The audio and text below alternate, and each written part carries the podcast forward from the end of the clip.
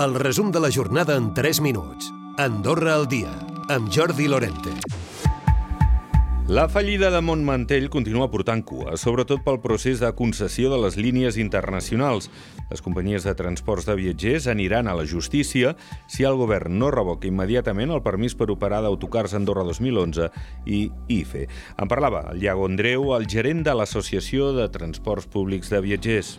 Ja devien tenir sospites quan la donaven que que potser no s'ajustava del tot al que era el més regular i el més normal, perquè si no, perquè preveus aquest term... Si ja dones una autorització tan curta com de 13 mesos, perquè preve... ai, de 3 mesos, perquè preveus un termini de 15 dies per revocar-la sense, sense més ni més, no?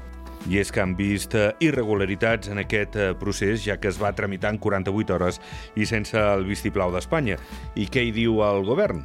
El cap de govern en funcions, Jordi Gallardo, s'hi ha referit. Torgant-ho tot a la mateixa companyia xoca de front amb l'obligació que tenim nosaltres, que és vetllar per l'interès general, mm, a assegurar la lliure competència i no el monopoli, que és el que proposarien ells amb el que ells de, eh, demanen, i nosaltres transitoriament hem fet o hem permès una cosa que es pot fer, per cert, Jordi Gallardo, que ha estat eh, convidat a la rèplica, ha parlat en clau política de la qüestió d'aquest acord previ amb demòcrates eh, i que se'n va amb regust amarg després d'aquests quatre anys a l'executiu. Com han acabat les, les coses i cap a on ens ha portat la dinàmica del resultat i després els compromisos que no, no s'han mantingut i que estaven pactats i escrits doncs fa que quedi un, un regust amarg no? per part d'aquells que sempre havien defensat eh, perquè que era el que les parts havien convingut, que s'havia de reeditar d'alguna manera la, la coalició. La CAS reclama que la reforma del sistema de pensions arribi a aquesta legislatura sí o sí.